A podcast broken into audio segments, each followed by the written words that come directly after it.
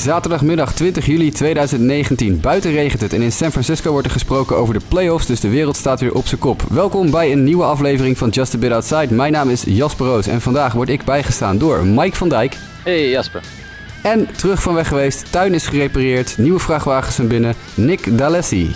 Ja, en er wordt over de Giants gepraat, dus eh, ik ben erbij. Eh, dus dat, dat kwam wat dat betreft ook heel mooi uit. We hebben meerdere mailback-vragen over de Giants vandaag. Dus het kwam alweer hartstikke mooi uit dat jij vandaag weer aan kon schuiven. Nick, leuk dat je er weer bent. Uh, heren, welkom. We gaan er weer wat moois van maken deze week. Want er is weer heel veel om te bespreken als het om MLB-nieuws en notes gaat. En dan gaan we beginnen met onze momenten van de week. En Mike, ik ben heel erg benieuwd. Ik heb net toevallig jouw filmpje wat je naar me stuurde over je moment van de week gezien. Ik moest heel hard lachen. Ja, nee, uh, het was afgelopen nacht de wedstrijd tussen de Cincinnati Reds en uh, de St. Louis Cardinals. En we gaan het er straks nog meer over hebben, want we hadden een van onze podcast teamleden, zeg maar, die in het stadion was. Maar ik zag vanmorgen in één keer een filmpje komen van Yashiel Puig die een sprint trekt. En ja, de constatering was, Jack Sparrow speelt honkbal. Ja, dus ze zag er wel een beetje uit, hè? Ja, de, de, de sprinttechniek van Yashiel Puig, uh, toont bijzonder veel overeenkomsten met Jack Sparrow. Het is echt ongelooflijk. ik moest er ontzettend op lachen. Maar ja, met, met eh, wapperende handjes en weet het allemaal. Het, het, zag er heel, heel kolderiek uit, inderdaad. Ja, hij was safe dat wel, tweede ronde. Dat dan weer wel, ja. ja. Uiteindelijk Jack Sparrow ook volgens mij in die scène. Er staat op uh, Twitter, jij stuurde het linkje naar me toe. Uh, het is van het account uh, Red Anal Analyst of zoiets. Red Analysis. Reds Analysis, ja. Dus als mensen het willen zien, zoek het even op op Reds Analysis Twitter-account. Heel grappig. Ik zal het ook even retweeten. Maar dat Doe dat maar even, wel een opvallend moment deze week. Ja, dat is absoluut waar. Nick, wat is jouw moment van deze week? Ik ga het toch maar even een beetje balanceren, omdat we het nog over de Giants gaan hebben. De Dodgers hebben de minor leagues Gavin Lux, shortstop. Die uh, heeft sinds zijn call-up, ongeveer twee weken geleden, slaat hij een 1640 OPS. Nou, dat, uh, dat doen wel meer spelers, maar uh, ja, toch een ongelofelijke stress van die shortstop. En er is eventueel misschien nog wel eens wat ruimte te vinden voor hem als ze besluiten afscheid te nemen van Kike Hernandez. Want dat is ook niet best meer. Uh, ja, dat is zeker waar. Toevallig is Kevin Lux heel vaak langsgekomen de laatste week. Mede daardoor, maar ook vanwege allerlei trade talks... waarin de Dodgers natuurlijk uh, uh, betrokken zijn. de Kike Hernandez wordt niet de linchpin in dat geval, hoor. Want dan moet hij nog steeds langs twee andere spelers, geloof ik. In ieder geval eentje daarvan is Corey Seager. Dus ik, ja. uh, ik, weet niet, uh, ik weet niet wat de Dodgers gaan doen. Er zijn wat geruchten dat ze, dat ze eventueel bereid zouden willen zijn om nu, nu Lux heel veel geld waard is, omdat hij zo goed staat te spelen in AAA de laatste twee weken, dat ze hem zouden willen gaan gebruiken om een hele grote naam of iets dergelijks, of om het team te versterken voor hun postseason run, omdat ze toch in Corey Seager meer vertrouwen zouden hebben. Maar wat daarvan waar is, dat moet je altijd met een korreltje zout nemen, want het blijft, zoals jij waarschijnlijk kan bevestigen, Nick, de Los Angeles media. Ja. Big market team. Maar Precies. goed, inderdaad, hij zal inderdaad uh, de grotere namen. Ik denk dat voor Kevin Lux staan ze gewoon in de rij. Dan kunnen ze gewoon kiezen. Dan kun je misschien nog wel eens aankloppen voor een Syndergaard uh, type. Ja, zeker. Ja, in een pakketje dan, want dat één op één gaat dat met prospects niet lukken. Maar nee, zeker nee. wat, wat Lux de laatste 18 dagen loopt te doen is, is uh, erg indrukwekkend. Wel een beetje geluk, hebben wij net geconcludeerd. 5,83 uh, Babip is wel een beetje misschien aan de lucky kant. Ja, maar 35 average ook. Ja. Ja. ja, het is wel gewoon een heel goede speler. En, en uh, een van de weinige spelers die uit de staat Wisconsin ooit heel erg veel succes heeft geboekt al uh, mm. in de majors. Dus dat is misschien nog een leuk dingetje. Uh, mijn moment van deze week is ja, de rant van Aaron Boone. Het kan jullie niet ontgaan zijn, voor de mensen die nu naar deze show zitten te luisteren en die geen idee hebben waar ik het over heb. Ik heb even wat audio voor jullie klaargezet. Want Aaron Boone die ging helemaal door het lint van de week tegen een scheidsrechter, een rookie scheidsrechter. en Toevallig was uh, Boone ook mic'd up tijdens die wedstrijd, dus we konden allemaal lekker meeluisteren. En dit is toch wel even een heel vrij klein beetje voorgeschiedenis, want dat kan je niet zien. Is dat Brad Gardner drie slag krijgt. Die komt terug in de dugout, is heel boos. Die ramt met zijn knuppel eerst een paar keer tegen het plafond of tegen de muur en dan een paar keer tegen het plafond van de dugout. Op bijzondere wijze. Op heel aparte wijze, ja. Je zou toch zeggen dat als je honkballer slaat, toch op een andere manier met je knuppel. Maar hij duwt als het ware de knop van zijn knuppel een beetje tegen de muur en tegen het plafond aan. Uh, vervolgens staat DJ LeMahieu aan de slag. Die krijgt een belachelijke strike call. Echt een bal die misschien wel een halve meter outside was. Die heel aardig zegt nog van, nou, dat is toch geen slag? Nou, en op dat moment gaat Aaron Boone los. Hier is even wat audio van wat uh, Aaron Boone te melden had.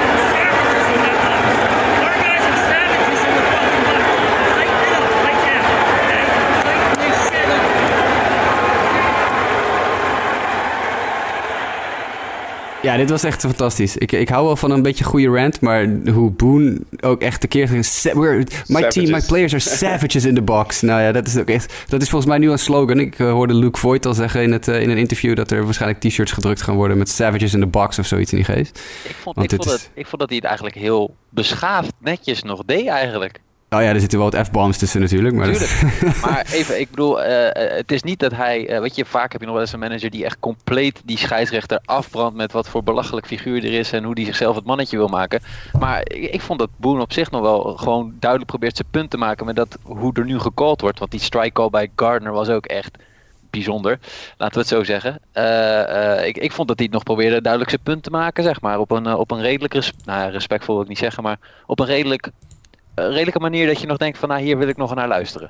Ja, nou ja, goed. Hij eh, werd natuurlijk uit de wedstrijd gegooid. Niet vanwege die rant. Hij was er wel uitgegooid op dat moment. Dus dat, is, eh, dat scheelt ook. En dan kan je altijd even je, je money's worth gaan halen. Maar goed, deze rants hou ik van. En dat doet me een beetje denken aan...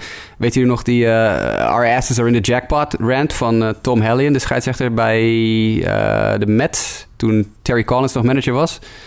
Toen hadden ze ook voor de gein een keer eh, microfoons omgehangen. In dit geval bij scheidsrechter Tom Hallion. En toen kwam die enorme rant van, eh, van hem van... Our asses are in the jackpot. Of iets in die geest. Dat was echt fantastisch ook. Dus ik wil meer mic'd up in de majors. Dat vind ik alleen maar leuk. Winners en losers. Michael. Yes, ja, eh, iemand anders die gaat zo meteen een andere groep winners nemen, die ik ook heel goed vind spelen op dit moment. Maar ik ga voor de Chicago Cubs. Eh, tuurlijk hebben ze een makkelijk programma gehad, relatief makkelijk programma gehad sinds de All-Star break. De Pittsburgh Pirates, de Cincinnati Reds en nou ja, nu de, eh, de Padres, dat is wat minder makkelijk. Maar eh, zes gewonnen en één verloren tot op heden. En ja, dat is toch wel de start die de Cubs denk ik hadden gehoopt te maken na de, na de All-Star break. Ze staan nu ook nog steeds ja, bovenaan in die NL Central. En wat mij opvalt positief is dat Hugh Darvish eigenlijk ook zijn controle weer redelijk terug heeft gevonden. Zowel in de start tegen de, de Pittsburgh Pirates als tegen de Cincinnati Reds eh, was hij eh, eh, behoorlijk sterk. Sterker nog, volgens mij heeft hij tegen de Reds pas zijn eerste thuisoverwinning ongeveer van dit seizoen gehaald. Van, van sinds hij getekend heeft, 2018. Ja, was dat? Ja, is dat ja, Anderhalf nee, jaar. dat is toch vrij bijzonder, of niet? Ja, dat is heel bijzonder. Ja, dus, eh, maar goed, eh, ik weet dat er een andere Chicago Other Side hier in de podcast zit. Die zou je minder enthousiast over zijn. Maar ik moet zeggen, ik. eh, Het kan me werkelijk waar geen fuck schelen, weet je dat? nee, serieus. Het kan me- ik word er niet warm of niet koud van. Nee, maar goed, ik, ik denk dat de Cubs eh, in ieder geval een positieve start hebben gemaakt aan de tweede helft van het seizoen. En ik ben benieuwd waar, hoe ver hun, hun reis dit seizoen gaat. Ja, de NL Central blijft voor mij een beetje de, ja, het zwaartepunt, denk ik, van de National League. Die over de hele linie een beetje tegenvalt. Maar daar kunnen we het een andere keer over hebben, over de National League. Eh, had jij nog een loser ook, Mike? Eh, zeker. En mijn loser van de week, dat is eh, Andrew Cashner. We hebben het vorige week al gehad over dat de Boston Red Sox hem gehaald hadden via een trade. En dat wij niet hele hoge verwachtingen hadden van Andrew Cashner. En hij gooide zijn eerste wedstrijd, ik geloof dat het dinsdag was, tegen de Toronto Blue Jays.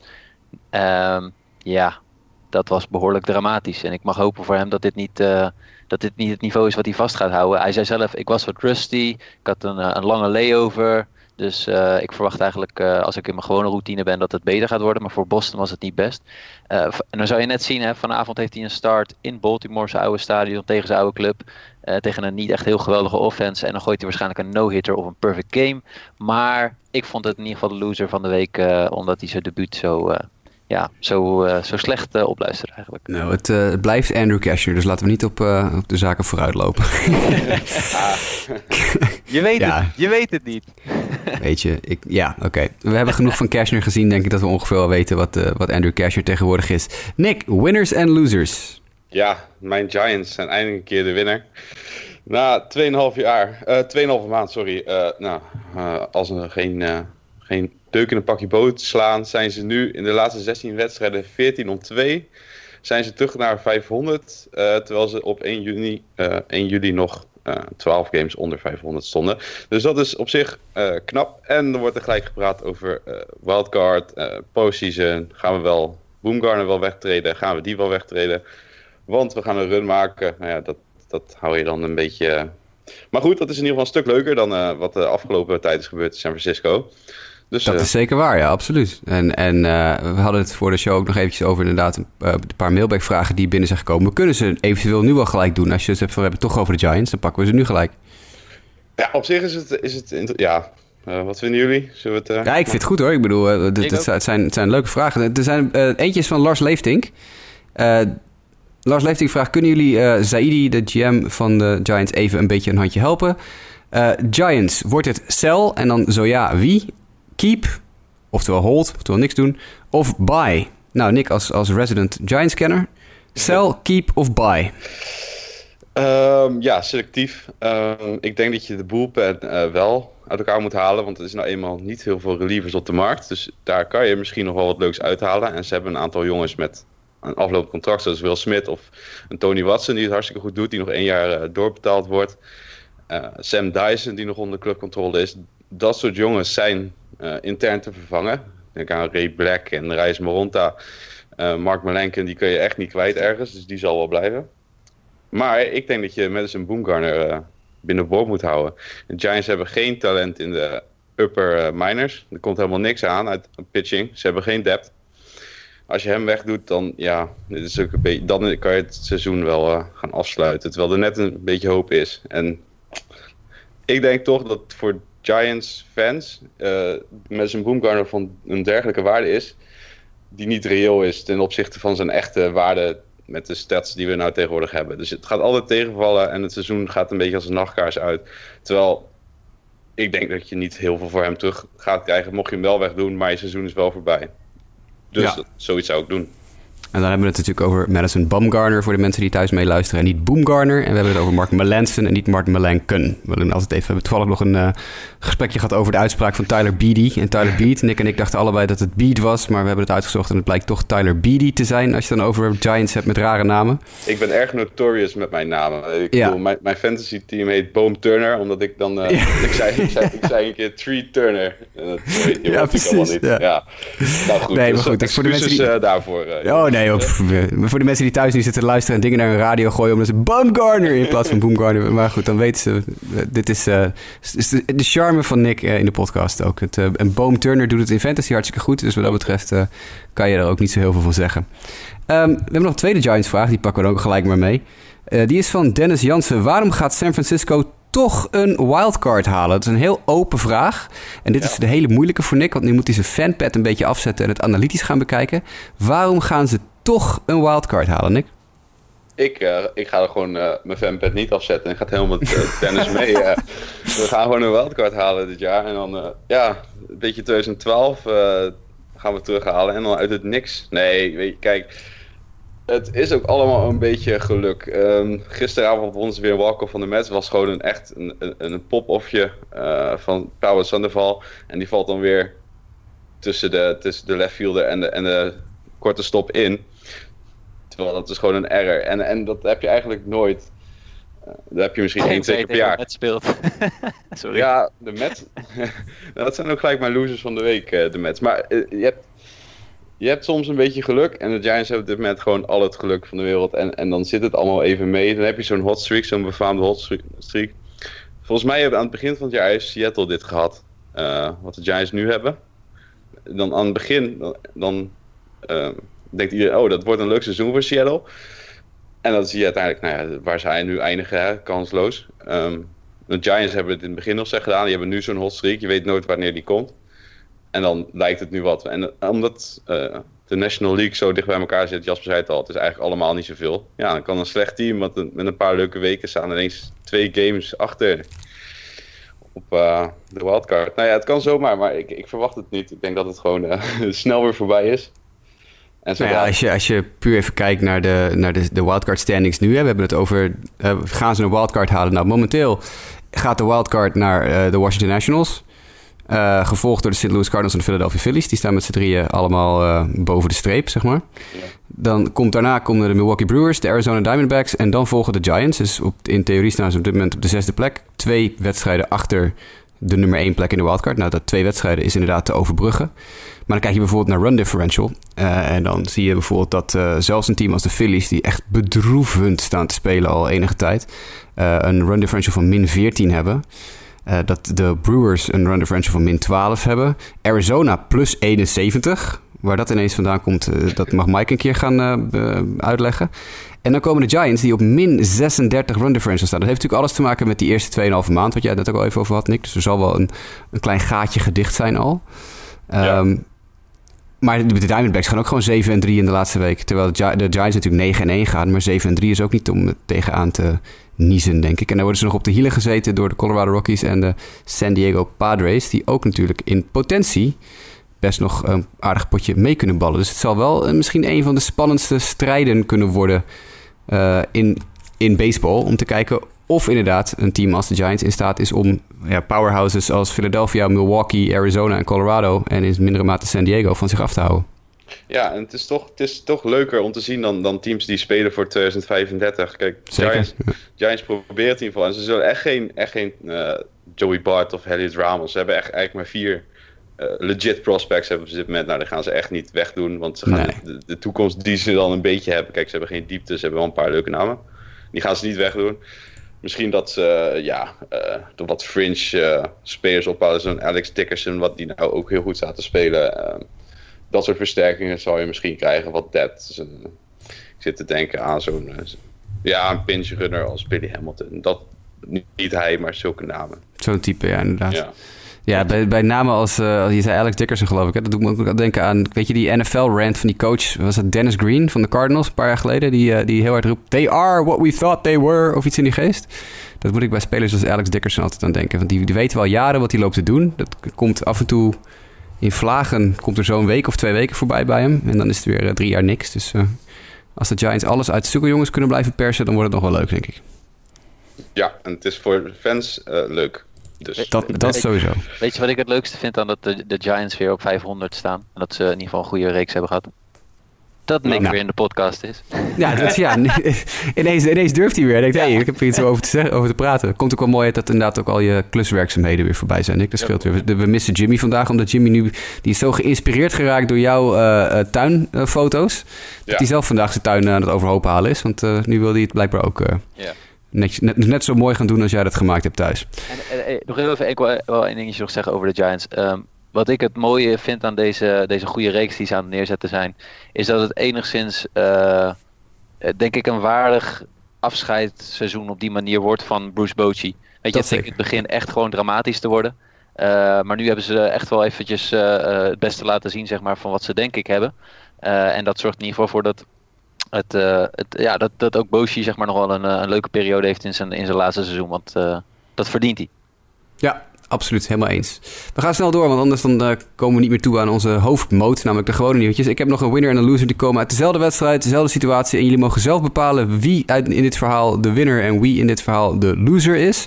Maar het verhaal gaat als volgt. De pitching coach van de High Point Rockers in de Independent League, dat is Frank Viola, ook wel bekend als voormalig Major Leaguer. En zijn zoon werkt ook nog in baseball, ik geloof voor een of ander minor league team ergens.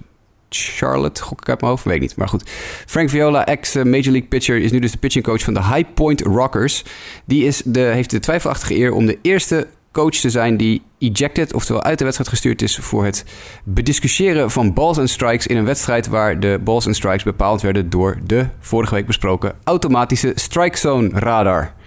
Hij was er dusdanig mee oneens eh, met, met de beslissingen die de, de radar nam, dat hij eh, een grote mond opzette tegen de scheidsrechter. En die heeft hem vervolgens natuurlijk uit de wedstrijd gegooid, want je mag geen balls en strikes in twijfel trekken. Ehm, pijnlijk genoeg is wel dat eh, Frank Viola gelijk had, want drie van de vier ballen die wijd gecallt werden, waren slag. En het, waar het punt eigenlijk voor hem om ging, hij wilde dat de scheidsrechter de radar zou overrulen. En, en dit is misschien wel in, in, in light of ons, puntje van vorige week... dat scheidsrechters mogen overrulen, maar moet je dat willen? Ja, in dit geval stond blijkbaar de radar niet helemaal goed afgesteld... want drie van de vier pitches waren absoluut slagballen en die werden wijd gecallt. Eh, vier pitches ging het om. Dat was een, een, een, gewoon een vier wijd kaal. Huppakee, bam. Vier, vier wijd op rij. Waarvan er dus drie eigenlijk slag waren.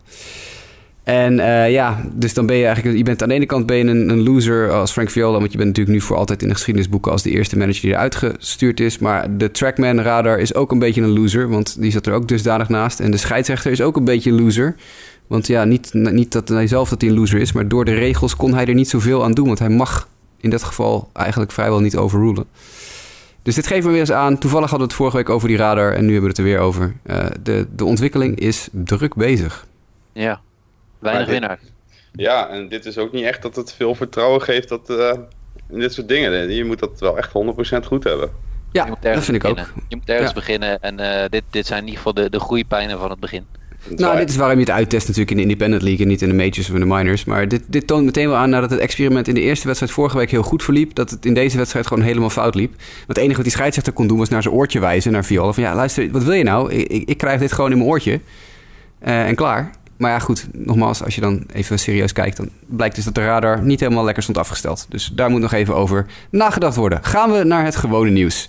En dan beginnen we met uh, nog even ja, een trieste terugblik naar iets wat al een tijdje geleden gebeurd is. De dood van Roy Halladay. Uh, algemeen bekend inmiddels natuurlijk, neergestort met zijn vliegtuigje. Maar vorige week kwam er op ESPN een artikel naar buiten dat een beetje een, ja, een trieste bevestiging was uh, van een vermoeden dat we toch al hadden, Mike. Ja, was het ESPN of was het Sports Illustrated? Uh, Sports Illustrated, je hebt gelijk. Uh, ja, nee, uh, Roy Halladay. Het, was een, het is een prachtig artikel. als de mensen het willen lezen, ga vooral even kijken op Jasper Roos zijn Twitter. Want daar staat de link naar het artikel. Maar Roy Halladay had in ieder geval moeite, met name buiten het veld, met toch wel eigenlijk ook wel antidepressiva en, en medicatie. Uh, en in, dat, in, dat, in het artikel staat dat uh, opgetekend waar zeg maar, eigenlijk de problemen vandaan komen. Hoe die was als persoon, als, als jonge, jongen, hoe die de grote pitcher is geworden uh, die hij was. En, ja, en hoe eigenlijk het leven na zijn honkbalcarrière ook, dat hij daar moeite mee had. zo heb ik het in ieder geval gelezen. Ja, het zwarte gat, hè? Het spreekwoordelijke ja. zwarte gat. Waar, ja, waar hij toch zwaar depressief is geraakt, blijkbaar. Behoorlijk aan de pillen is gegaan. Behoorlijk verslaafd is geweest aan de pillen volgens mij zelfs één of twee keer in een kliniek heeft gezeten. Uh, heel erg under the radar. En uiteindelijk zelfs uh, ja, in het vliegtuig is gestapt. Terwijl die, zo later bleek, stijf stond van allerlei ja, numbing medicatie. Medicatie die dus hem uh, ja, heeft, dusdanig heeft beïnvloed dat er een vermoeden kan bestaan dat hij niet helemaal in staat was om een vliegtuig te besturen. Ja, en dan blijf je met de discussie: heeft hij dit opzettelijk het vliegtuig te pletter gestuurd of heeft hij het, kon hij het gewoon niet aan? Ja, dat weet je niet. Dat, ja. dat, zullen we waarschijnlijk nooit weten. Maar er zat wel degelijk veel meer achter bij Halliday dan gewoon een lullig ongelukkie. Ja, en dat, uh, dat we de grootste pitcher eigenlijk uh, die wij hebben zien gooien, denk ik zo'n beetje. Dat is, uh, dat is triest. Ja, maar het is jammer. echt de moeite waard om, om het artikel te lezen. Het is echt een, een mooi artikel hoe het ja. geschreven is. Vond ik. Behoorlijke long read werd ook ja. mij medegedeeld op Twitter. Het is een lang artikel. Dat, ja, dat klopt. Want sommige dingen heb je nou eenmaal veel tijd voor nodig. Ja. um, dan gaan we naar iets positiever nieuws. Want de, week na de All-Star break tot nu toe, of de anderhalve week na de All-Star break, is eigenlijk een hele gekke week geweest. Want waar we het natuurlijk heel vaak hebben over alle home runs, hebben we in de afgelopen anderhalve week vier bijna no-hitters of perfect games gezien. En deze week kwamen er weer twee bij, uh, Nick. Uh, eentje daarvan was van Mike Leake en eentje was van Chris Paddock. Ja, en vooral voor Mike Leake wel welkom aan Mariners, want die... Uh zullen toch proberen hem weg te treden. Dus dat is goed om even zo in de national spotlight te komen. Chris Paddock is echt uh, heel interessant natuurlijk. Hoe, wat voor jaar die uh, staat te gooien. Ik ben echt benieuwd. Want San Diego, we hadden het net al eventjes besproken. Die zijn achter de Giants nu in de standings. Is het tijd om hem uh, dan maar te laten stoppen, zeg maar, voor het jaar. Ze, om ze innings te limiteren. Nou ja, goed. aan de andere kant je gaat het wel steeds vaker zien. Dus ik krijg nu elke dag wel zo'n melding op mijn telefoon van uh, developing uh, Chris Paddock has taken the perfect game into the sixth inning, seventh inning en dan weer. Je ziet het steeds, steeds vaker en ik snap niet helemaal waar het vandaan komt. Nou, hij had hem in de, in de achtste inning nog en Leak zelfs in de negende inning geloof ik hè? Ja, Leak wow. heeft een lead-off single geloof ik hè, in de negende inning bij Leak. Ja, moet je nagaan. Luis Rengivo. Ja, de, de beroemde. Ja, je kent hem ja, niet. Precies. Nou, het bijzondere wel met die van League is, uh, uh, vorige week gooide die ook nog tegen de Angels in Angel Stadium. Uh, 0.2 innings, 8 hits, 7 runs, 4 earned runs. Dat was echt dramatisch. Nou, blijkbaar heeft hij dan voldoende rust gepakt. Gooit hij een week later weer tegen de Angels en dan krijg je dit. Het is toch wel bijzonder. Ja, dat is inderdaad wel, wel apart, ja. Wat betreft uh, Paddock, Nick, je brengt wel een interessant ding even te sprake... waar we nog heel even kort bij stil kunnen staan. hij heeft natuurlijk op dit moment staat hij op 90 innings gegooid, als uh, Baseball Reference klopt. Precies 90 innings. Dat is ook tevens uh, het meeste aantal innings dat hij ooit in zijn carrière heeft gegooid. Dat heeft hij geëvenaard, want vorig jaar gooide hij in Single A, Advanced en Double A ook in totaal 90 innings. Dus dit wordt inderdaad nu een kwestie van gaan ze, ze gaan hem iets verder uitrekken. Dus nu, nu ja. gooi je er nog een inning of, nou ja, ik zou zeggen 30, 40 bovenop of zo. Maar daar houdt het wel op, denk ik. Ja, en, en dat is, dan zal het San Diego wel echt goed uitkomen eigenlijk. Uh, ja, een beetje een geluk bij een ongeluk dat ze toch wel terug zijn gevallen. Want ja, anders kan je niet maar, anders moet je zo'n jongen toch uh, eh, gaan stretchen. En dat is wel een beetje wat de andere teams natuurlijk eh, eh, moeten doen. Die wel goed doen. Kijk, en dan zo'n Chris Paddock is dan teruggestuurd naar de Miners. Komt nu weer terug, gooit gelijk eh, een eh, perfect game into the eight. En dan moet je aan de fans gaan uitleggen dat je hem aan het eind van het seizoen weer laat stoppen. Dat kan je eigenlijk niet uitleggen. Dus aan dan wel weer fijn voor de Padres dat ze wat terug zijn gevallen in dat opzicht dan. Ja, maar dat verklaart misschien ook wel. En dan pak ik even een puntje van iets later in deze outline. Haal ik even naar voren, want dat sluit mooi aan bij wat je nu zegt. De Padres schijnen heel erg ver gevorderd te zijn in onderhandelingen met de Indians over Trevor Bauer. Dat Ja. schijnt serieus echt eh, tractie te hebben. Nou, dat zou dan wel weer in dat verhaal wat jij net eh, vertelt, Nick, passen. Dat ze dus iemand willen hebben die eventueel die innings kan overnemen. Jawel, maar dan, dat snap ik dus niet. Waarom eh, San Diego niet gewoon het natuurlijke proces maar zijn gang laat gaan en dit gebruikt als een mooi opstapjaar om Chris Paddock een beetje uit te stretchen. En dan volgend jaar vergaan. Wat heb je nu aan Trevor Bauer, vraag ik me af. Ja, fair punt. Misschien eh, gebruiken ze nu, eh, de Indians gebruiken Trevor Bauer om Francisco Mejia weer terug te krijgen van de Padres. Die ze natuurlijk vorig jaar naar San Diego hebben gestuurd in ruil voor Brad Hand. Maar dat is eh, een ander punt. Maar eh, da- daaraan gekoppeld, hè, Bauer is ook nog volgend jaar onder eh, teamcontrole. Eh, de Padres spelen in mijn ogen niet helemaal voor definitief nu echt winnen. Ze zouden het denk ik mooi vinden als ze gelijk de playoffs kunnen halen. Ze zijn in de race ervoor. Eh, en dat, dat, dat maakt Bauer ook zo'n goede fit, zeg maar, in San Diego. Dat hij ook volgend jaar er nog staat. En dan is hij op zich wel een goede ace om, eh, om dit soort jonge jongens eh, als Paddock er gelijk achter te zetten. Ja, plus natuurlijk Trevor Bauer heeft eh, zijn collegeperiode doorgebracht bij UCLA. En dat is eh, niet zo gek ver bij eh, Petco Park vandaan. Dus dat is dan ook weer Er zijn nog twee Ja. spelers volgens mij die ze in die trade erbij zouden krijgen, toch? ongetwijfeld. Tenminste, ik las iets over Hunter Renfro. Eh, ja, ja, klopt, ja. Ja, En nog een andere, geloof ik. eh, ja Hunter Renfro, daar, goed, daar kunnen we ook bijna een hele podcast aan wijden. Want dat is ook zo'n fascinerend type. Maar goed, dat doen we een andere keer. Toch? Ja, we gaan het straks ook nog even over die trades hebben. Maar juist omdat deze twee teams. Dit vind ik boeiend, hè? Als je kijkt naar de standings. Dit, dit, dit is echt een bijzondere trade deadline. Ik ben echt benieuwd hoe dit gaat eh, unfolden. Maar je hebt dus de, de Cleveland Indians. die in een wildcard spot zijn. Ehm, die dus mogelijk hun ace. Want zo zie ik Trevor Bauer gewoon even op dit moment. Hun ace gaan wegtraden naar een team. dat nog niet op een wildcard spot staat. En eh, we hadden het net ook over de Giants en de Diamondbacks ook. Er zijn een aantal teams die gewoon best wel goed ervoor staan. En toch de dice gaan gooien op, op sell. Wat gewoon het, een bijzonder interessante eh, trade deadline maakt in mijn ogen. Maar ik weet niet hoe jullie daar tegenaan kijken. Het kan twee kanten op, denk ik. Het kan heel interessant worden en het kan doodsaai worden. Ja, nou ja, precies. Sums it up. Ja, vroeger had je nog wel een beetje van, nou, oké, we hebben wat, wat trades gehad, maar het is niet heel erg om dat je denkt van, nou, het is niet super indrukwekkend. We hebben ook wel eens trades gehad dat de laatste twee dagen echt de, de- ineens alle grote namen van club veranderen.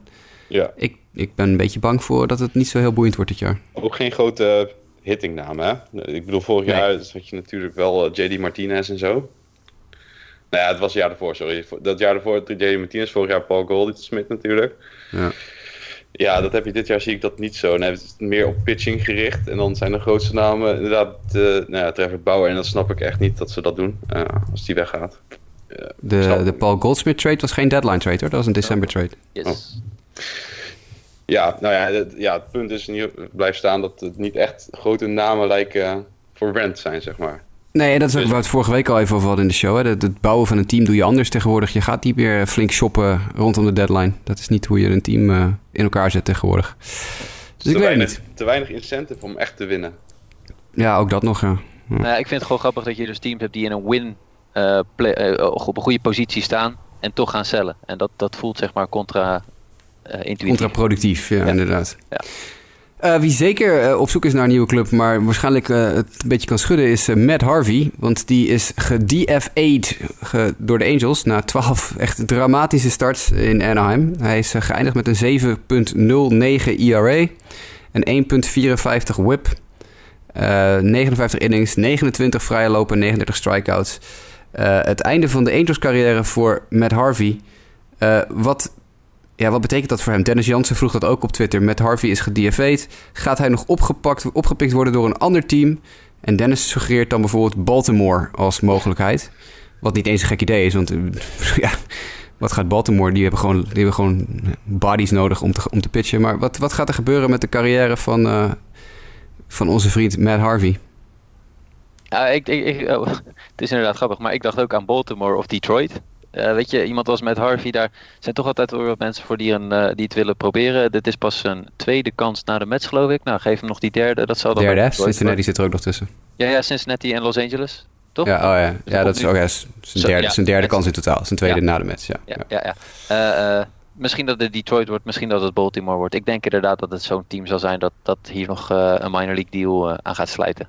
Weet jullie nog toen hij bij Cincinnati vijf leuke starts op rij gooide... dat iedereen in één keer kwam roepen dat wij niet zo negatief over Matt Harvey moesten zijn? Dat wij maar bleven volhouden. Jongens, het is op. Kijk naar, alles, naar alle onderliggende stats. Het is gewoon op. Ik zie geen upside meer, dus ik twijfel ook of hij dit jaar nog aan de bak komt. Misschien weer een beetje een Tim Lincecum verhaal dat hij weer een showcase gaat doen eh, in, in de offseason. Dat hij dan nog ergens een minor league contract. Maar ik denk voor dit jaar dat hij misschien is beter voor hem ook om even te stoppen. Kansas, Kansas City misschien of zo, weet je wel, zo'n soort... Als die nog bijvoorbeeld een Danny Duffy ergens aan de shop of een Ian Kennedy of zo... dat ze met Harvey in de bullpen zetten of zo, weet ik veel. Maar nee, heel veel, heel veel gaat er inderdaad niet meer uitkomen. Ik, eh, we riepen het vorig jaar al, dit is, die carrière is voorbij. Die, met Harvey is, eh, dat gaat hem niet meer worden. Helaas. Eh, afgelopen nacht. Je, je refereerde al even, Mike, aan de wedstrijd tussen de Cincinnati Reds en de St. Louis Cardinals. De 10-run inning van de Cardinals. Eh, onze collega van de podcast, Justin, die zat in het stadion toen dat gebeurde. Eh, nou, een aardige, aardig potje honkbal, denk ik. Zo. Cincinnati Reds die 7-2 voorstaan en het in één inning compleet weggeven. dat is Ja. vrij bijzonder. Heel apart, ja. Wat, eh, wat het, nieuws, het nieuwswaardige, excuseert u mij, aan dit, eh, aan dit verhaal van die wedstrijd vooral was, was dat eh, David Bell, de manager van de Cincinnati Reds, voor de zevende keer uit het veld gestuurd werd dit seizoen. Dat is een clubrecord. Nog nooit zijn er managers van de Reds meer dan zeven keer of zeven keer of meer uitgestuurd. Het, eh, het all-time MLB-record staat op 12, hè? Bobby Cox en Joel McGraw. Nou, dat, als Bell zijn baan houdt, dan komt hij daar wel in de buurt, denk ik. Ja, we zijn pas halverwege het seizoen, dus waarom, waarom niet? Maar ejections is wel een, een thema in deze episode, merk ik. Ja, dat, ja, dat blijkt maar weer. Ja, maar ja, als je David Bell ziet, die heeft nu 100, 185. eh, even kijken, hij is nummer 185 all-time op het gebied van ejections voor managers nu al. En hij heeft eh 95 wedstrijden gemanaged in zijn carrière. En er zijn 709 managers geweest in baseball. En hij is nu al nummer 185. Dus hij is hard op weg eh, om omhoog te, te stevenen. David Bell is on a mission. De vraag is of de MLB het gaat toestaan. En niet eerder ingrijpt met eh Ja, inderdaad. bepaalde straffen. Ik vind het wel een heel raar statistiekje eigenlijk. Als je er zijn dus 709 managers geweest. Bell heeft nu 7 ejections achter zijn naam staan en is nu al nummer 185. Ja. Dan zijn er dus echt heel veel managers die er of vrijwel nooit uitgestuurd zijn... of die maar heel kort een baan hebben gehad of zo. Ja, Ja, dat klopt. Is dat een beetje meer van, van recent dan? Ik ben niet zo helemaal thuis in de, in de oudere honkbals. En was dat toen ook al eh, dat die managers elke keer dan maar voor die spelers gingen staan en dan eruit gestuurd werden? Ik heb geen idee. Want nu is het een beetje wel een moedje. Hè? Als, als, als een speler, dan, dan zie je ze al die dugout uitstormen eigenlijk op het moment dat een speler begint eh, zich om te draaien. Het is wel, ze, ze vangen zeg maar, de klap op voor de spelers, maar is dat altijd al zo geweest? Is een heel goede vraag. Heb ik, ik, heb ik geen antwoord op. Nou, ik, hoe, hoe zit het bij de Giants? Hoe vaak is Bruce Bochy er in zijn carrière uitgestuurd als, eh, als Giants manager? Dat weet ik vaak. niet. Dus Jasper heeft denk ik de statistieken. Nee, ik probeer ik- ze hard- hardstochtig op te zoeken, maar het lukt me nog niet helemaal. Nee, nee maar het, het, het, het- laat ik zo zeggen, ik kijk eh, natuurlijk eh, best veel eh eh, Diamondbacks honkbal. Ik denk dat we niet aan één, tenminste de, de manager gaat er maximaal één keer per seizoen wordt hij eruit gestuurd. Niet veel vaker dan dat. Nou, Maar- wel denk ik 4-5 hoor. jaar. staat eh, achtste op de all-time list met 77 ejections. Ja, die gaat Kijk. wel vaak. Maar ja, die doet het al heel lang. Dat... Maar er zijn nog maar drie managers eh, uit de top 15 op dit moment die nog actief zijn. Dat zijn Boshi, Gardenhire en Clint Hurdle. Clint Hurdle staat gedeeld 15e met 50 ejections met Charlie Manuel en John Gibbons. Nou ja, Charlie Manuel is met pensioen en John Gibbons die de vist tegenwoordig op een boot, geloof ik. Ah, die, Eh, die op- kon er ook goed uitgestuurd worden, moet ik zeggen hoor. Ja, dat kon inderdaad wel. En Bill Rickney, Clark Griffith, Lou Pinella, Joe Torrey, Jim Leland, dan Ron Gardenhire, Bruce Bochy, Frankie Fish, Paul Richards, Tony La Russa, Leo DeRocher, Earl Weaver, John McGraw en Bobby Cox. Dat zijn de 15 tot 1. Nou ja, dat, het staat dus blijkbaar niet in de weg als je een Hall of Fame carrière wil hebben. Want eh, van die 15 zitten er 8 in de Hall of Fame. Het hoort er een beetje bij. Dat die idee had ik namelijk ook bij Aaron Boone. Dat hij wel wist dat hij mic'd up was. Ja, Ja. En dat hij daarom... eh, dit hoort er gewoon een beetje bij. Het is net als dat die bullpens eh, het veld opkomen stormen bij zo'n eh, brawl. Dat is ook... Ja, die komen altijd te laat. Het is voor de vorm. Zijn manager, die ook... Zo'n boom wordt er dan uitgegooid en dan gaat hij dus komen. Want hij is al uitgegooid en catch your money's worth. Ja, het is het cultuurtje, denk ik. Ja, ik denk het ook wel, ja. Ja, je kan er wel hele statistieken op loslaten. Eh, er is een website waar ze bijhouden hoeveel eh, games per ejection er voor een manager eh, overheen gaat ik, en zo. Ik geloof, ik geloof dat er zelfs een. eerder dit seizoen was ik dat tegengekomen. Er is volgens mij zelfs een, een fantasy league. Dat je, waarbij je een team samen moet stellen van umpires. Om Op zeg maar, het meeste ja, ja, ja. ejections of zo eh, te verzamelen. de, de Joe West nummer 1. Ja, daar kan ik, kan ik ook wel een paar voor verzinnen inderdaad, ja. Ja, ja, ja. Oh, grappig. De, de, weet je wie die scheidsrechter is met de meeste ejections in zijn carrière? Nou, ik ken deze man niet, dus jullie waarschijnlijk ook niet. Bill Clem. Tussen 1905 en 1941. Dat is een Hall of Fame umpire. Die 256 keer een manager uit het veld, of iemand uit het veld heeft gestuurd. Dus het was vroeger eigenlijk ook al zo. Het is altijd al zo geweest dat die managers... eh, Ja, ik blijkbaar wel, ja. Eh, waarschijnlijk- En, Eh, en op basis van eh, het eerdere nieuws in deze eh, episode blijkt ook dat als we straks robo-umps krijgen, we nog steeds vol genoeg ejection mogelijkheden hebben. Ja, precies. Er is een Twitter-account hè, die elke maand aan het eind van de maand zetten die alle ejections uit de MLB op een rijtje. Dus dan krijg je ejections van de maand mei. Dus af en toe dan, als het weer online staat, dan ben ik heel blij. Dan kan ik gewoon eventjes een beetje ejections kijken. Ik vind het heel rustgevend. Ik weet niet, op een of andere manier. Mensen die heel boos worden om helemaal niks, daar kan ik me heel erg, heel erg van genieten. Het, eh, het- ik weet even niet hoe het Twitter of het eh, YouTube-account heet. Zoek het maar eens op. De MLB ejections of zo. Dat is eh, erg de moeite waard.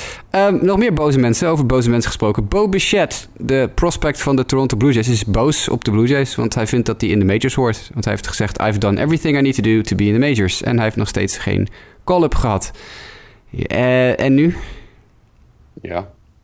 Dat is wel, het is, het is wel een beetje zo. Maar ja, zijn OPS is 900 eh, in de minors dit jaar. Ja, vergeleken met Gavin Lux is dat natuurlijk helemaal niks. Nee, het is natuurlijk hartstikke hoog. Maar het is niet dat ze niet om hem heen kunnen. En, en ja, als je hem nu nog eh, gaat... Ik denk dat hij in september call-up zal zijn dan.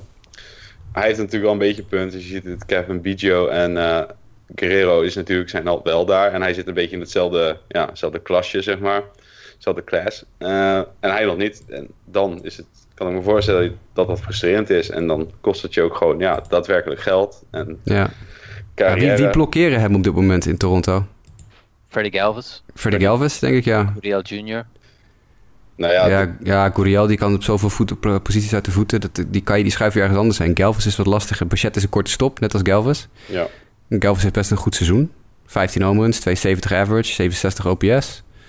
Maar we hebben nog, eh, even kijken wat we nu... Oh, Eric Sogard, die eh, kan ook, natuurlijk ook op de korte stop wel aardig uit de voeten, een beetje als het moet. Die is ook best eh, goed bezig. Kan je ook niet zomaar lozen. Dus ja, er zitten wel wat spelers die inderdaad, ja, waar je niet echt omheen kan op dit moment. Als ze misschien een van die twee op de bank van een contender kunnen zetten deze maand, dan zal die er wel zijn kansje krijgen. Ja, als we nou eens van die Brandon Drury af konden op drie. En daar iemand, daar, eh, maar goed. Het schiet ook niet op. Hoor je Mike op de achtergrond lachen? Ja, even grinniken. Ja, ik, ik, ik deed bewust. Nee, maar goed, de Blue Jays die hebben natuurlijk, die hadden, die hadden eerder dit jaar Rowdy Teles nog, die eerste Hongman slugger op het roster staan. Die hebben ze ook alweer teruggestuurd naar AAA. Dus ik weet niet of er plek is voor hem. Nee, op dit Jammer. moment dus niet. Ja. Nee, en weet je, af en toe is het ook eh, geduld. Hij krijgt zijn kans en dan moet hij er gewoon staan. Ik bedoel, deze speler is 21, hè. Eh, ik begrijp dat je heel graag eh, wil, en, maar en, dat je heel graag wil. Eh, ja, goed, je hebt zelf getekend bij de Blue Jays, dus eh, dan moet je ook rustig je kans afwachten. Maar hij Ja. raakt er gefrustreerd van. Dat, dat is op zich niet best voor de, de clubhouse. Nee, dat denk ik ook niet. Het zorgt En alleen ook maar voor meer druk als hij straks daadwerkelijk op het roster staat. Nou ja, ook dat. En plus je wil natuurlijk nooit dit soort gedonder met je prospects hebben. Je wil dat ze braaf hun mond houden en eh, dan een miljoenendeal tekenen. Dan is iedereen gelukkig. Nou ja, ja mo- mocht, je, mocht je daar nog een interessante read over willen hebben. De Diamondbacks hebben Johan Lopez op The Athletic, die jij eh, nog wel eens tipt. Er staat een hele mooie read over hoe je een Cubaanse speler eh, naar het hoogste niveau moet krijgen en wat daar allemaal mis kan gaan. En dat is echt serieus een, eh, een, een boeiende read. eh, eh, ook over, over een talent waarvan heel veel verwacht werd. En je bent, eh, we gaan, toen hij getekend had, je gaat eh, waarschijnlijk heel snel in de major spelen. En dat ging eigenlijk allemaal heel erg anders. Die jongen wilde ook stoppen op een gegeven moment. Dus eh, die kan ik nog tippen, wat dat betreft. Ja, dat- heel goed. Van eh, no show to the show of zoiets was het toch? Klopt. Interessant. Eh, we hebben nog een sterfgeval deze week waar we het nog even over moeten hebben. Eh, Elijah Pumpsy Green. Waarom is Elijah Pumpsy Green een speler die we even noemen? You tell us. Oh ja, ik denk, ik geef hem eens aan jullie voor de gein. Ik moet best vertellen. Eh, Elijah Green was de eerste eh, gekleurde speler in de Red Sox organisatie die de majors heeft gehaald. Eh, algemeen bekend, denk ik wel. Ik geloof dat ik het met Sander ook al een keer over gehad heb. eh, in de History podcast. De Red Sox waren eh, ja, notorious eigenlijk voor hun ongelooflijke eh, ver doorgevoerde racisme binnen de organisatie. Waar ook het laatste team dat uiteindelijk overstag ging en een gekleurde speler op het Major League roster hadden in de Major League. En ehm, ja, de verhalen die Sander ook verteld heeft over het uitlachen van spelers als Jackie Robinson bij de Red Sox organisatie en zo, dat soort, eh, dat soort dingen. Dat eh, zijn redelijk algemeen bekend. Maar uiteindelijk was het Elijah Green, bijnaam Pumpsy, die, eh, ja, die de, de barrière ook in Boston geslecht heeft. En hij is, ja goed, heeft geen, geen indrukwekkende Major League carrière gehad. Heeft geloof ik vijf jaar een beetje heen en weer gestuiterd in de majors. Maar toch even de, de, de moeite van het vermelden waard. Want eh, ja, mensen die een bepaalde barrière doorbreken... en we weten allemaal dat we best wel veel Red Sox fans hebben... die in Nederland eh honkbal volgen. Ik denk dat we daarom even Elijah Green moeten noemen. Zeker. Ik ken hem verder niet, maar hij was in de 90, dus dan eh, weet je. Ja. Het is een keer voorbij. Even kijken, we zijn op 40 minuten. Dat gaan we redden, jongens. We hebben nog vier dingetjes en ik heb nog één mailback-vraag, geloof ik, eh, liggen voor jullie. Wanneer kunnen we die mailback-vraag doen? Nou, die doen we zo meteen. Eh, we gaan naar de internationale draft. Er is een artikel verschenen op baseballamerica.com afgelopen week van Ben Badler, de internationale correspondent daar. Dat er dus mogelijk het internationale aankoopsysteem zoals dat nu heerst, waar we het al eens over gehad hebben, de International Free Agent Day, 2 juli elk jaar, waar spelers en teams eh, eh, samenkomen en er spelers van de internationale markt vastgelegd mogen worden, dat die mogelijk de schop opgaat en dat we een internationale draft gaan krijgen. Thoughts? Waarom niet gewoon één draft? Dat is mijn initiële gedachte. Ja, ik Waarom niet iedereen eh, in één hoop? Hè? Dat is ook eerlijk. Want dan krijgt de beste speler het meeste geld. Ongeacht waar je nou eh, op school gezeten hebt. Ja, dat is inderdaad. Mike zei dat uh, bracht ook ter sprake voorafgaand aan de podcast. Ik denk dat het inderdaad alles te maken heeft met, met scouting misschien. Maar ja, dat zou ik niet weten. Ik werk niet voor een Major League organisatie. Dus. Nee, oké. Maar het, het is al een beter systeem, denk ik, dan wat er nu is. Uh, dat, ik denk, dan heb je namelijk gewoon, ja, dat is, uh, zoals de Amerikaanse scholen het nu ook doen, dan een beetje top-heavy. Dus het grote talent zou dat meeste geld. Ja, het, het, is wel een voorwaarde dat ze evenveel geld betaald krijgen als, als uh, de normale draft, of in ieder geval meer dan wat er nu beschikbaar is. En dan zie ik in dit systeem wel voordelen. Zo'n Shohei Otani kan dan ook niet zelf meer kiezen waar hij heen gaat. En dit wordt gewoon aan het, zeg maar, het, het minst presterende team gegeven. Dus het is wel weer eerlijker. Want, ja, dat is denk ik het grote voordeel inderdaad, de competitive balance. Ja, ja zeker. Want ja, dan had hij nu gespeeld bij Orioles, zeg maar. De Orioles, ja. Dat had ja. natuurlijk wel geschild voor ze. En dat weet ik eigenlijk niet. Hadden die uh, nee. Money gehad daarvoor dan? Want dat nou, niet de Orioles, toch? De wie hadden, wie hadden vorig jaar de Tigers. De Tigers, ja. Die bij de Tigers gespeeld, ja. Oh, dan niet. Nee, nee maar uh, ja, ik denk dat dat is wel... Um, ja, dat, dat zou ik wel doen. Balanceert de boel een stuk meer. Ja. Nou, wat ik wel interessant hierin vind, specifiek ook met uh, uh, zo'n speler als Otani. Die Angels die doen ook best wel veel moeite, vind ik dan nog, om zeg maar, hem een goede plek te geven in zijn organisatie en op te vangen en dergelijke. En met een draft, ja, dat, heb je dat natuurlijk ook nog steeds wel, maar is het toch anders? En de hype is denk ik ook echt net even wat anders. Uh, ja, plus je moet net de mazzel hebben dat je natuurlijk een draft hebt in een jaar dat er zo'n speler als Otani beschikbaar is of zo. Ja, precies. Of een, of een uh, nou, noem nog een paar grote namen van de laatste paar jaar. Louis Robert of een, uh, weet ik veel, uh, Jose Abreu, Yasiel Puig, Johannes Cespedes of zo. Weet je wel, zo'n zo'n type. Ja. Zijn er teams die hier echt gewoon geen baat bij hebben? Dus die, die echt niet, niks mee... Omdat ze tot nu toe ja, zeker. contacteren van internationale spelers, zeg maar. Zeker, zeker. De Yankees gaan hier helemaal niet uh, ja. blij mee zijn, nee, bijvoorbeeld. Want die, die zijn heel goed in, uh, in het internationale scouting. Die, die, ieder jaar, ze hebben ook dit jaar weer de, de beste... Sander uh, heeft daar een artikel over geschreven... dat in de loop van deze week, ik geloof morgen of overmorgen op de site komt... De Yankees hebben een grote slag geslagen weer. Die hebben de grootste talenten weer binnengeharkt. Uh, die hoeven namelijk niet zich druk te maken over waar ze het vorige seizoen geëindigd zijn. Ja. En die, die ze eindigen toch eigenlijk altijd wel in of net buiten de playoffs. Uh, die zouden op, die, op dat moment natuurlijk uh, volledig geen aanspraak meer maken. Hun hele internationale scouting systeem is eigenlijk dan in één keer gehalveerd in waarde. Ja. ja. En waar ze voorheen gewoon natuurlijk ook zoiets hadden van... nou, wij hebben het geld, Precies. Uh, we zijn de Yankees, kom maar naar ons. Precies, dat, ja. Die appeal natuurlijk echt in één keer een stuk minder. Ja, dus dat is echt een probleem. Eh, Het belangrijkste punt, denk ik, wat Nick ook zegt, het geld moet wel gelijk getrokken worden. Want zoals het, het voorstel er nu ligt, zoals Badler ook schrijft op Baseball America, dan is dit eigenlijk alleen maar in het voordeel van de clubs. Want eh, er wordt eh, nog meer geld bespaard. We zijn natuurlijk al zijn we van een ongelimiteerd systeem, wat bakken met geld kostte. Waar dus voor de Jomas- Yasmani Tomases van de wereld eh, godsvermogen werd neergelegd. En de Roesny Castillo's en zo, weet je wel. Wie? Wie? Ja, nou, ja precies. Ik bedoel maar even wat. Naar een ongelimiteerd systeem is er naar het boetesysteem gegaan. waar onder andere Johan Moncada nog een deel van heeft uitgemaakt. En toen is er gegaan naar een soort van cap, maar nog steeds wel ja, waar teams met het meeste geld toch vaak het beste uitkwamen.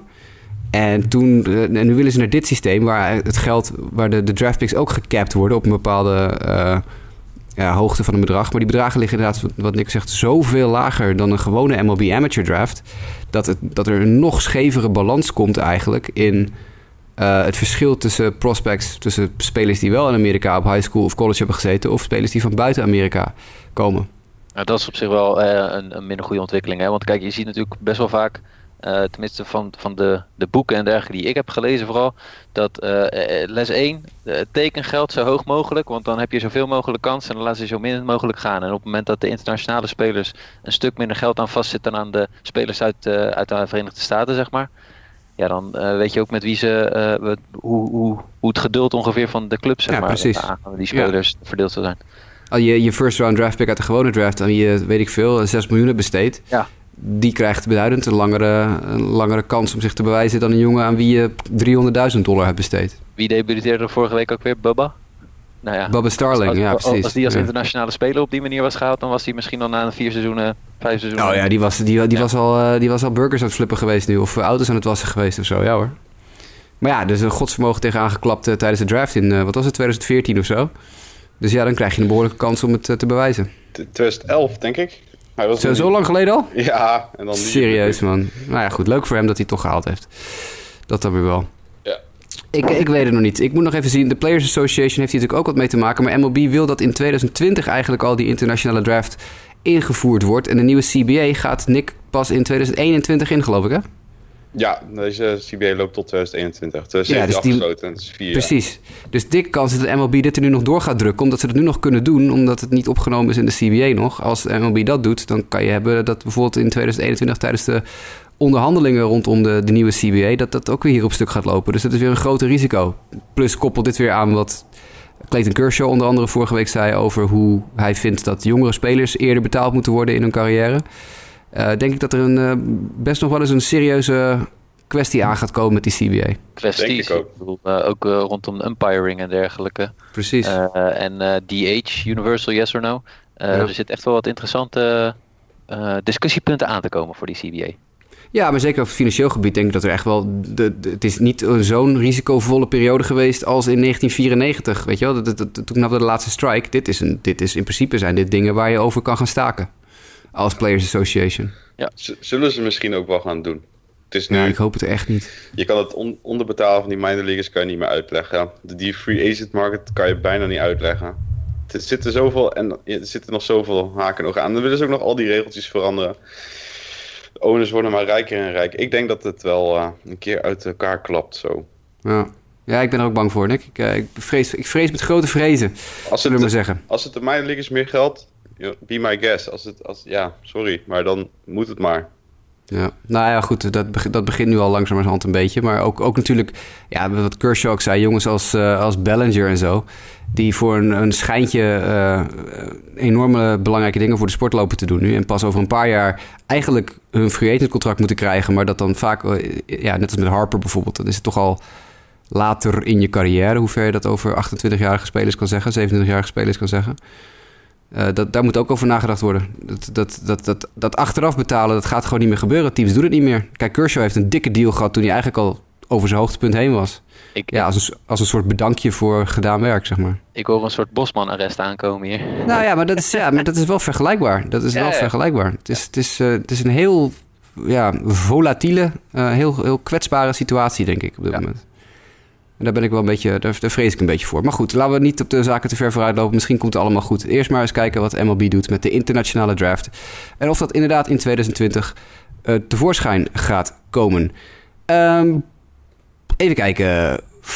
Nou, nu we toch wel even in wat negatief doemdenken zitten, ga ik even iets in de groep gooien wat ik niet in de outline heb gezet, maar wat ik wel even nog wil noemen, want het schiet me ineens te binnen. Eh, het, eh, de arrestatie van Jonah Carey, baseball, bekende baseballrider uit Amerika, Jonah Carey, die gisteren gearresteerd is. Ehm, en vastzit. Dat verklaart ook gelijk waarom die twee dagen geleden niet aanwezig was bij zijn wekelijkse The Athletic chat. Want ook Carey werkt tegenwoordig voor The Athletic.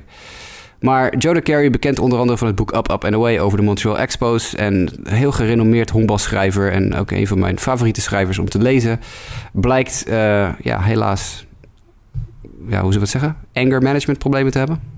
Ja, Waarschijnlijk een understatement. Luister. Maar Ja, hij schijnt zijn vrouw in, 2000, in de zomer van 2017 en de zomer van 2018 en afgelopen maand eh, ja, toch enigszins eh, behoorlijk mishandeld te hebben. Eh, we hebben het over bedreigingen die geuit zijn, doodsbedreigingen. Dat staat er in de aanklacht dat hij gearresteerd is, onder andere vanwege fysiek geweld, assault en het uiten van doodsbedreigingen. En dat zou dan het adres van zijn vrouw zijn, want er is direct een gebiedsverbod opgelegd aan Jonah Carey. Hij mag niet meer in de buurt van zijn vrouw komen. Ja, weet je, zo zie je maar. Het kan overal vandaan komen. Ik, eh, ik ken Jonah Carey niet persoonlijk, maar ik vond hem altijd heel sympathiek overkomen op tv. En zijn stukken zijn altijd fantastisch om te lezen. En ik ben ook een groot liefhebber van zijn boeken.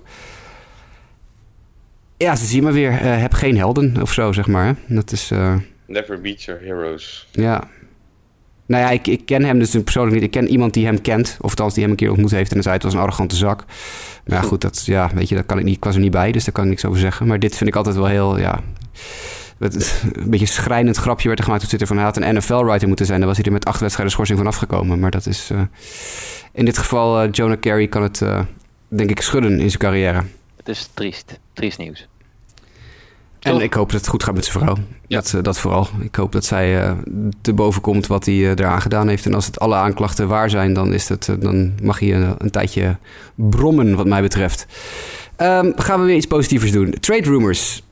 We hebben er een paar. En we hebben ook, geloof ik, de, ja, ook wat, niet echt mailback-vragen, maar wel opmerkingen als van wat gaat er in de trade deadline zo'n beetje gebeuren. Eh, bijvoorbeeld Roel Respen eh, via Twitter vroeg ons eh, met het naderen van de trade deadline en het feit dat er best een aantal teams een starting pitcher zoekt, ben ik wel benieuwd wie jullie verwachten die getrade gaat worden en waar naartoe. En wie is dan ook de best beschikbare pitcher volgens jullie? Groeten, Roel. Nou, we hebben gelijk op het lijstje staan bijvoorbeeld de D-backs en Zach Greinke als we het over pitchers hebben. Is, hoort hij in dat groepje, Mike? Ja, maar goed, ik ben Grankofiel, hè. Dus eh, Hij is duur en oud. ja, maar hij is een van de beste pitchers die er is, statistisch gezien. Dus daar kan, daar kan je niks tegen inbrengen. D- kijk, er zijn wat mij betreft ongeveer drie pitchers die echt, echt ace-status zijn. En dat zijn eh ja, Bumgarner misschien iets minder dan, maar die zou ik wel toe, toe rekenen. En, eh, en Trevor Bauer. En dat zijn denk ik de drie starting pitchers die in mijn ogen eh, het meest interessant zijn. Of ze ook allemaal. Syndergaard? Oh ja, Syndergaard. Ja, oké. Want die is, die is denk ik ook wel een beetje Ja. op de markt. Ja. ja, nee, zeker. Ik bedoel, de Mets die spelen nou niet op dit moment zo goed en hebben een kans dat zij eh, weggaan. Dus ik denk dat dat ook wel interessant is om te kijken of ze hem kunnen wegtraden. Stel je voor, je, je hebt Zach Greinke en, en die, die wordt getrade. En de D-backs willen zelfs, hebben ze al gezegd, salaris eventueel opeten voor een betere prospect return. En dat is heel veel salaris dat ze dan moeten opeten, maar oké, dat is een ander punt. Wie, welk team zou er gebaat zijn bij een Zach Greinke op dit moment? Een veteraan die ja, alles al meegemaakt heeft zo'n beetje, maar die wel met een gebruiksaanwijzing komt. Maar ja, kijk, weet je, dat is dus typisch het punt. Dus er zijn veel geruchten. De Diamondbacks eh, zijn bereid, als ik het goed heb gelezen, om van zijn 30 miljoen, circa 30 miljoen die hij de komende drie jaar gaat, 10 miljoen per jaar op te eten. Ehm, dan heeft hij een lijst van de helft van de Major League, waar hij zegt van daar wil ik niet spelen. Granky heeft het zelf heel goed naar zijn zin. Dus ik, ik denk dat het heel moeilijk wordt om hem weg te doen. Alle contenders staan daarop, ik. staan Ja. erop, Yankees staan erop, al die teams staan er allemaal op. Ja, dat is ook echt niks voor hem hem. Ja, nee, precies. Dus ik zie hem, ik zie hem eigenlijk niet weggaan. Als er iemand gaat van de, van de Diamondbacks, dan denk ik dat het Robbie Ray is. Maar ik, ik, ik kan dus heel moeilijk een fit voor hem vinden. eh, of hij moet ermee gaan instemmen. En dat, dat kan. Nee, Hij gaat want- in ieder geval niet in de Padres, want daar heeft hij eh, een hekel aan, heb ik me laten Nee, maar vertellen. gaat hem ook niet, denk ik, in division traden. Zou Nou je- ja, ik weet niet. De window van Granky is ook al niet heel groot meer. Die, die gaat nog twee, drie, vier jaar mee, hooguit. En dan zijn de Diamondbacks weer langzaam eh, teruggekomen op oud niveau. En dan zijn ze wel in de tussentijd van hem af. Oud niveau positief of negatief? Dat kan twee kanten op bij de Diamondbacks. Positief in dit geval, positief. nee, positief. Eh, Robbie Ray noem jij? Ja. Nou, Ja. gooi hem er maar in. Ja, ja, de, de vraag is welke pitchers? Nou, dat is Robbie Ray dus. Ja, Robbie Ray is eh, een interessante pitcher. Die is volgens mij nog dit seizoen en volgend seizoen on- onder, eh, eh, eh, eh, onder controle voor het team. Dus dat is zeker een pitcher die, eh, die denk ik, een links, linkshandig werper. Die, eh, die de diverse teams denk ik interesse in zullen hebben om die toe te voegen. Maar dan moet je wel interessante prospects hebben. Eh, Denk je Houston? Houston was volgens mij geïnteresseerd in hem. Dacht ik. Maar dat weet ik niet helemaal zeker. Nou, Zou logisch zijn, want die raken volgend jaar Cole kwijt. Die maar- kans is wel aanwezig, ja. Maar het, het probleem, ik vind Ray heeft niet genoeg command om, om echt erop te kunnen vertrouwen. Ik zou liever dan een Marcus Stroman of zo van de Blue Jays pakken. Ja, Stroman blijft ook inderdaad een heel hardnekkig eh, gerucht. En die gooide van de week weer fantastisch. Dus dat, het, het Stroman naar de Yankees en Stroman naar de Twins heb ik al gehoord, onder andere. Ah, dat is wel een, een... Hij heeft de uitstraling voor een Yankee. Die heeft hij Vind ik ook wel hoor. Ja, ja een beetje, dat, beetje dat, die swagger en dat arrogantie, die Dat arrogantie zit hem. Ja, Dat- dat zou ik wel Ja. graag zien. Maar ik zou Robbie Ray lekker daar laten waar hij is. Zeker als Mike begint over serieuze prospects die ze daarvoor willen hebben. Ja. Ja, maar de Astros toch, ja. zijn daarin we- wel een fit. En, en, en met hoe de pitchers doorgaans gaan, zeg maar, na hun carrière nadat ze bij de Astros zijn geweest. Dat is zeker dat waar. ze zijn command snel kunnen fixen en hem eh, een lights out eh, nummer 1 kunnen maken weer. Die die een tijdje is geweest. Ja, Trevor Bauer noemde al even. De Padres schijnen daar nogal hard achteraan te zitten. Verder eh, zijn er nog twee werpers van de Detroit Tigers... waar veel interesse in is. Matthew Boyd en Shane Green. Natuurlijk de closer Shane Green. En starter Matthew Boyd. En dan ook weer vooral de Twins die hebben gebeld met El Avila... eh, met de vraag wat moet je hebben voor Boyd en Green. Ja, ik denk te veel. Dat is die, Green is denk ik nog een jaar controle hierna of is dat een rental? In ieder geval Boyd is nog drie jaar hierna. Boyd is echt... eh, dat is de, de head trade piece van Detroit, denk ik, ja. Ja, maar dat hebben ze natuurlijk al een keer gedaan met Michael Fulmer. Eh toen hebben ze ook nog echt hoofdprijs gevraagd en dat hebben ze niet gekregen. En die is nou al drie jaar ligt hij eruit met verschillende blessures. Dus het- misschien dat ze een keertje een beetje common sense en dat ze toch zeggen, nou, laten we niet nog een keer, want die, die hebben hun window to content nog lang niet. Ik eh, kan maar even niet... Praat me even bij. Michael Fulmer? Mike, Michael Fulmer, Ja, ik weet wie het is, maar hebben de Tigers hem ooit geshopt? Ze hebben, ze- hij is twee jaar nadat hij, dat ze hem binnengehaald hebben met een trade, eh, is hij geblesseerd geraakt. Op zijn hoogtepunt. toen hij op die Rookie of the Year, eh, toen hij, hij dat, daarna hebben ze hem geprobeerd te treden volgens mij. Toen hebben ze hem in ieder geval gedangeld en de hoofdprijs kunnen. Ja, had ik ook gedaan natuurlijk. Maar, Ja, Coming. ja. nou ja, inderdaad. Ja. En twee andere namen die ik denk ook nog wel, eh, die je nu gaat zien de komende week ook wel, is, eh, is een Mike Leake en een Mike Miner. Ja, dat denk ik ook wel. Nu dit, eh, wat de afgelopen week gebeurd is. Mike Miner is ook echt een, ja, daar kan je, kan je ook veel voor krijgen nu hoor. Ja, gek genoeg. Toch? Zach, Zach Wheeler misschien. Ja, die is geblesseerd. Ja, dat is, dat is het. Staat op eh, IL nu. Ja, Maar ja, die zou, die zou dan eind van deze week gaan starten, dan kan het nog net. ja, maar ik heb ook, nou, ik heb het, volgens mij eh, zit daar misschien meer achter, die blessure. Maar dat weet ik Daar niet. ben ik ook bang voor. Ja. Volgens mij heb ik zoiets voorbij zien komen. Met Tides heeft hij dan, denk ik. Dat is altijd even, toch? Kom. Ja, je ziet bij, met Harvey hoe hardnekkig dat kan zijn. Ja, precies. Ja, ja dat, eh, dat kan wel even doorgaan. Nou, er zijn wel wat interessante pitchers te vinden waar, eh, waar eventueel wat... eh, ja, nu vergeten we er ongetwijfeld ook weer een heleboel. Maar dat, dat, er zijn al wel een paar te noemen die, eh, die misschien wel van club gaan veranderen. Eh, dan heb ik gelijk nog één andere mailvra- mailbackvraag. Die gooi ik er nu maar gelijk in. Van Thomas Klink. Bellinger of Yelich? Belly of Jelly? En dan neem ik aan dat hij bedoelt eh, of dat je je persoonlijke favoriet moet uitspreken... of dat je moet kiezen wie er nu MVP is. Oh, in Hmm. beide gevallen echt eh, is dat een lastige. Ik denk Belly. Ja, ik moet ook zeggen, ik denk, ik, ja, ik ben net iets meer weg van Cody Bellinger als speler. Maar goed, ehm, wat Christian Yelich staat te doen is echt bizar. Afgelopen week ook, hè, je, je kijkt de samenvattingen ehm, en dan zit je toevallig eerst de Dodgers te kijken en denk je, hey Bellinger. Toevallig in Citizens Bank Ball, eh, Citizens Ballpark. Nou ja, oké, op zich niet zo gek dat hij dan een home daar slaat. Dan zet je daarna de Milwaukee Brewers aan. Up, Yelich goes yard. Weet je, ik bedoel, die, die twee zijn zo ontiegelijk goed aan slag op dit moment. Ja, dat is inderdaad voor mij. Ik zit ook even te kijken. Ik ga voor Bellinger. Weet je wat het bizarre is? Ze hebben echt vrijwel exact alle statistieken zijn hetzelfde. Ja. Ze- hun slaggemiddelde is exact hetzelfde. Ze slaan allebei 3,33 op dit moment. Zo laat in het seizoen slaan ze allebei 3,33. Yelich heeft één home run meer. Eh, Bellinger heeft Tijd vier gemist, runs, vier runs en twee RBI's meer. Maar Bellinger is Eh, toch geblesseerd geweest, dus die heeft minder wedstrijden, denk ik. Dat is denk ik ook wel waar. Even kijken. At-bats 336. Nee, vrijwel hetzelfde. Yelich heeft 336 at-bats en eh, Bellinger 348. Stolen bases. Dus dat is- ontgaat is ja, stolen bases. Yelich heeft er 23 en eh Bellinger maar 9. Eh, OBP 440, 430 sorry, voor Bellinger om 434 voor Yelich. Yelich slugt 717, Bellinger 693. Yelich OPS 1151, Bellinger 1122. En beide heren hebben een OPS plus van 190. Dit ontloopt me, dit is, Thomas, dit is echt een fabelachtige vraag, want dit is, dit is onmogelijk om te kiezen. Maar dan ga ik gewoon voor de jongste. Dan ga je voor, gewoon, ja, voor de speler die het leukst vindt natuurlijk. En dat is ook wel belangrijk. Nou ja, dan ga ik voor de Brewer boven de Dodger, dat snap je wel. Ja, oh ja, dat is ook weer waar natuurlijk. Ja. Maar Ik- ja, ik heb altijd het idee dat dat, de twee, dat, dat, dat het blijkt uit niks. Maar als ik naar ze kijk, dan denk ik toch, ik neem Bellinger. Als ik ze allebei zo zie staan. Ik, ik heb het idee, bij Jellet zit er minder, minder achter. Dat, dat, dat- misschien is hij wat kleiner, het lichaam is wat dunner. Nou, dat kan ik je ook vertellen. Eh, ze zijn, eh, ja, Bellinger is wel ietsje groter. Nou, nee, eh, heel minimaal. De Bellinger is 6 voet 4. En Jelletje is 6 voet 3. Ja, maar wat ielig. Hij is wat ielig. Waar komt die Nou, power hij vandaan? weegt, eh eh, eh, Jelletje is 1,90 meter, Bellinger 1,93 meter. Eh Jelletje weegt 88 kilo, Bellinger 92 kilo. Ze ontlopen elkaar 4 kilo en eh 1 centimeter. Of eh, 3 centimeter. Ja, maar als je ze ziet lopen niet, dan denk ik... Oh, Oké, de, eye-test. Ja, de eye test. Ja, Ja, anders, oké. is het, anders is het ook niet te beslissen tussen deze twee, denk ik. Het, Je eh, moet- Dat is echt persoonlijke voorkeur. het verbaast me iedere keer hoe groot eh, ik Jelletje... Inderdaad, hij lijkt een beetje ielig, maar dat komt omdat hij vroeger zo ielig was. Maar het is echt een beest hoor. Poeh. Ik ga, ik ga iets, iets voorstellen hier. Dit wordt gewoon de eerste, de eerste shared MVP. Nou, op, dit, op dit moment kan je niet kiezen. Op dit moment kan je oprecht niet kiezen. Too close to call. Ja, als je op war gaat, dan is Bellinger weer iets meer war waard. Maar als je naar gewoon de statistiekenlijst kijkt, er is werkelijk waar helemaal... Ze ontlopen elkaar eh, overal één of twee punten of één of twee RBI's of, of ze staan gelijk.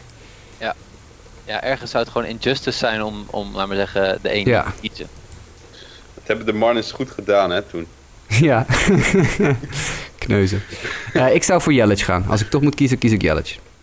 Maar dat heeft ook weer helemaal niks te maken met statistieken of zo. Dat heeft puur te maken met wie ik leuker vind. En ik, ik ben gewoon heel erg fan van Jelic al jaren. Jij hebt ze openstaan, toch? De, de baseball ref. Ja. De home en away splits misschien. Dat daar... Home and away splits. Ja, Dat maar Ik denk eh, dat, Bellen, dat Jellis toch bijna alles thuis eh, slaat. dat, dat kunnen we even kijken. Eh, splits. Ja, maar dit is toch voor gewoon Messi of. Ronaldo? Wie, wie, wie, bevalt, Ja, je, nee, wie absoluut. bevalt je beter? Ja, nou, Messi. Eh, oh, dat was geen vraag, sorry. Oké. Eh, even kijken. Eh s- home away splits. Bellinger en Jelic. Eh Jelic heb ik nu openstaan. Die is thuis beter. Ja, beduidend beter zelfs. Maar uit niet slecht hoor. Hij heeft uit nog steeds een slaggemiddelde van 300 en heeft 11 van zijn 35 homers nog steeds gewoon uitgeslagen. Bellinger is thuis ook veel beter. Oké, Veel beter. too close to call. Ja.